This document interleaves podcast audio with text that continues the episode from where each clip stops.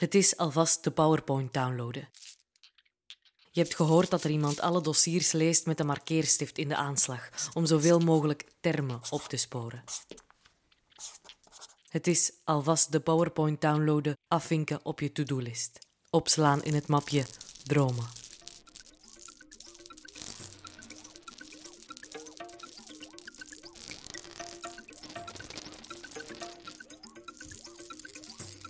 Het is mailen.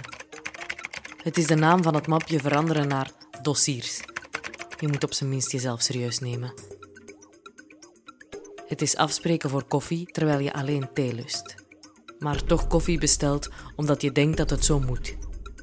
Net als die keer dat je doodop aan de toog bleef hangen op een premièrefeestje omdat je daar blijkbaar intentieverklaringen kan scoren.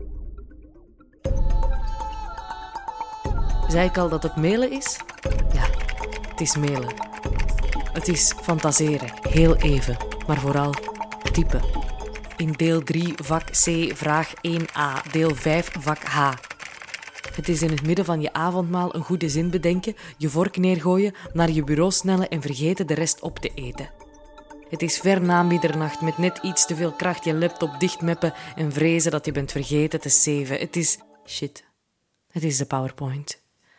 Je bent het jezelf verschuldigd de termen erin te verwerken.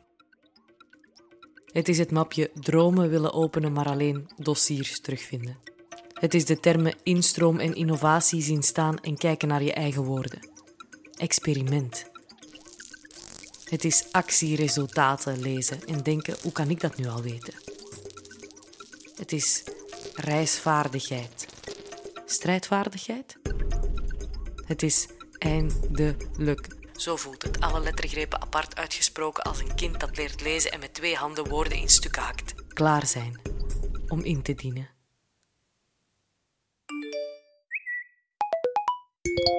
Er komen vier berichten binnen, 22 telefoonschermen lichten tegelijk op.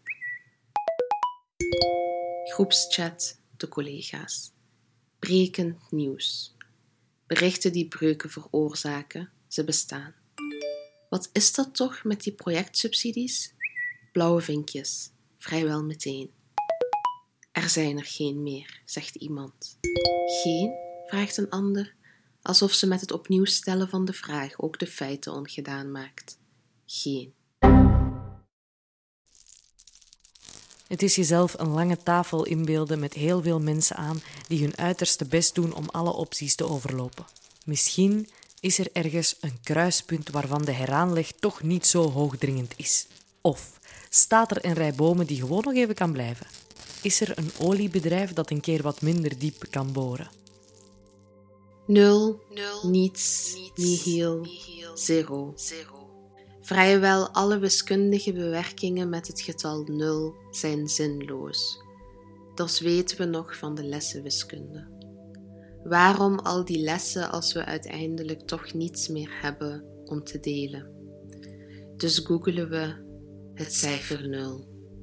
Misschien kunnen we er toch iets van maken, want dat is wat we de goden, het universum, onze meesters in het ambacht en de spiegels waarin onze kinderogen weer spiegelden, hebben beloofd. Wij zijn makers, we kunnen de wereld niet veranderen, maar we weigeren dat de wereld aan ons prutst. We zouden scheppen, van niets alles maken. Dus we lezen ons in. Het is niet begrijpen dat een schepen haar eigen schip doet zinken. De eerste voorloper van het getal 0 werd geïntroduceerd in het jaar 300 voor Christus door de Babyloniërs. Het was een schuine streep, Daaruit ontstond het idee van hoe we de nul nu gebruiken, om aan te geven dat iets er niet is. Een voorbeeld: in het cijfer 2022 zijn er geen honderdtallen, dus staat er een nul rechts van 1 2 en links van 2 tweeën. Het zijn opiniestukken en open brieven en iedereen willen beamen. Hoe lang gaan we nog doen alsof? We doen het graag, hè? In het theater, maar ook daar weer om te raken aan wat groter en dus werkelijker is dan dit alles. We kunnen wel doen alsof er niets is, maar iedereen ziet toch dat er iets staat om aan te geven dat er wat mist. Een voorbeeld. Er zijn twintig honderdtallen in het cijfer 2022 en toch staat die nul daar alsof ze er niet toe doen. Het is een fietstocht maken met Bruno Mars in je oren om even je eigen gedachten niet meer te moeten horen.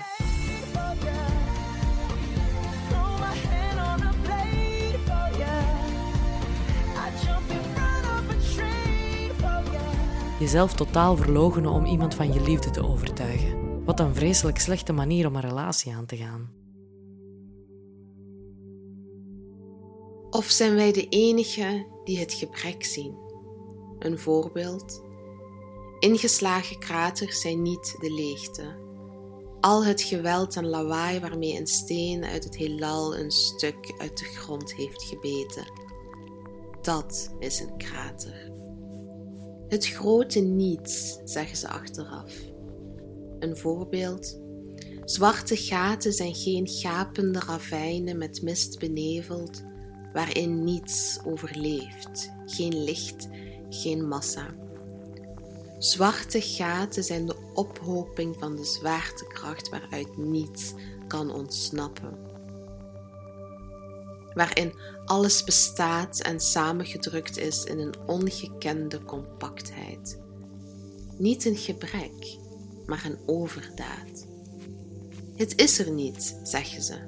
Nee, het is er wel. Hoort u de ophoping van de stilte? Hoort u het gesmoorde geluid? Hoort u een doofmakend stilgeboorte? Het is wanneer iemand zegt: je geld of je leven. En je hem jouw portemonnee geeft om dan berooid te zwijgen, stil, bewegingloos, bang dat de dief terugkomt en je deze keer wel je leven moet geven, omdat je niet nog een portemonnee hebt. Het is plots stoppen met trappen, stilstaan. Bruno, I do anything for ya, Mars, toen zwijgen en denken: hoe komt het eigenlijk dat wij, kunstenaars, ons in te kleine vakken moeten verantwoorden? Actieresultaten moeten toveren en termen moeten gebruiken om mensen met markeerstiften te overtuigen. Hoe zijn wij in deze toxische relatie met de overheid verstrikt geraakt?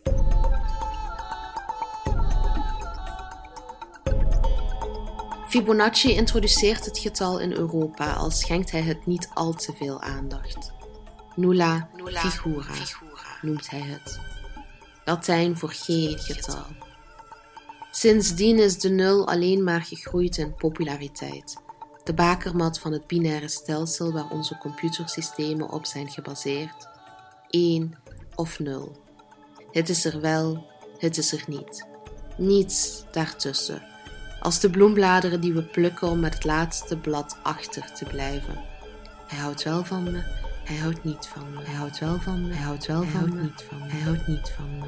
Gek genoeg is het altijd toch niet geliefd zijn. Behalve als je een dode kunstenaar bent. De afgelopen decennia is deze nul ook steeds meer de bakermat van het systeem. Alles het is op.